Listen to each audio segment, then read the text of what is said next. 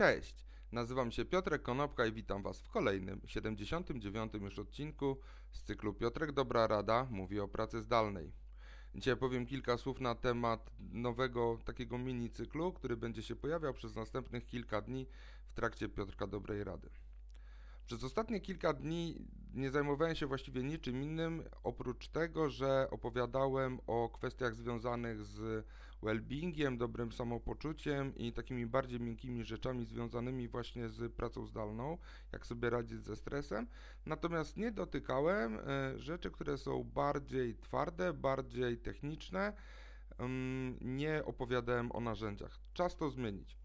Przez następne kilka dni będę starał się opowiedzieć o różnego rodzaju narzędziach, które warto uwzględnić w trakcie pracy zdalnej. O czym będę mówił? Będę mówił o narzędziach y, takich whiteboardowych, które mogą Wam posłużyć do prowadzenia wspólnych zdalnych burz mózgów i do planowania swoich zadań.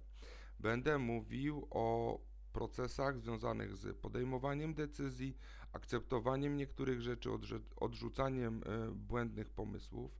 Opowiemy sobie również na przykładzie kilku, kilkunastu narzędzi, w jaki sposób można wspólnie edytować dokumenty, w jaki sposób można też te dokumenty później przechowywać, czyli jak można stworzyć własną Wikipedię na potrzeby e, swojej własnej firmy. Opowiem też o czymś, co, czego niektórzy używają, czyli e, mind mapping, ponieważ mind mapping to jest takie fajne narzędzie do rysowania, zapamiętywania, opisywania procesów i oczywiście są też do tego narzędzia e, mind mappingowe, które można wykorzystywać wspólnie w pracy zdalnej. Porozmawiamy oczywiście też na temat komunikacji. Podam kilka kil lub kilkanaście przykładów na temat tego, w jaki sposób można e, prowadzić czaty grupowe, w jaki sposób można być obecnym e, wizualnie w trakcie pracy zdalnej. Opowiem też o możliwości organizowania eventów i prowadzenia oczywiście wideokonferencji. Dodatkowo postaram się opowiedzieć o niektórych przykładach związanych z prowadzeniem wirtualnego biura.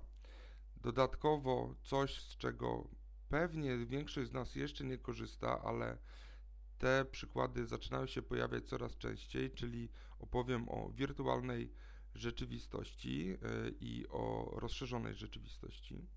Porozmawiamy sobie bardzo długo na temat spotkań, czyli e, zarówno zarządzania spotkaniami, jak i akcesoriów do tych spotkań.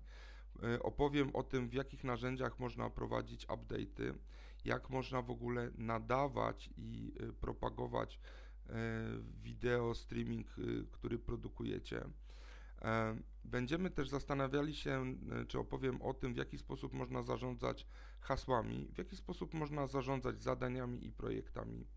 E, będziemy też zastanawiali się nad tym, które narzędzie jest lepsze, a które gorsze do zarządzania czasem własnym i do rozliczania tego czasu pracowników. E, opowiem o kilku przykładach związanych z wirtualnymi asystentami, jak również z automatyzacją całych procesów biznesowych. E, kolejnym elementem, który będę chciał omówić, to będą też rzeczy związane z budowaniem zespołów, z udzielaniem feedbacku, z e, wyrażaniem uznania dla poszczególnych pracowników, z informacjami, które mogą być później przeglądane przez osoby, które dopiero dołączyły do, do naszej firmy. No i oczywiście na sam koniec opowiem o różnego rodzaju gadżetach, które mogą ucieszyć niektórych z nas.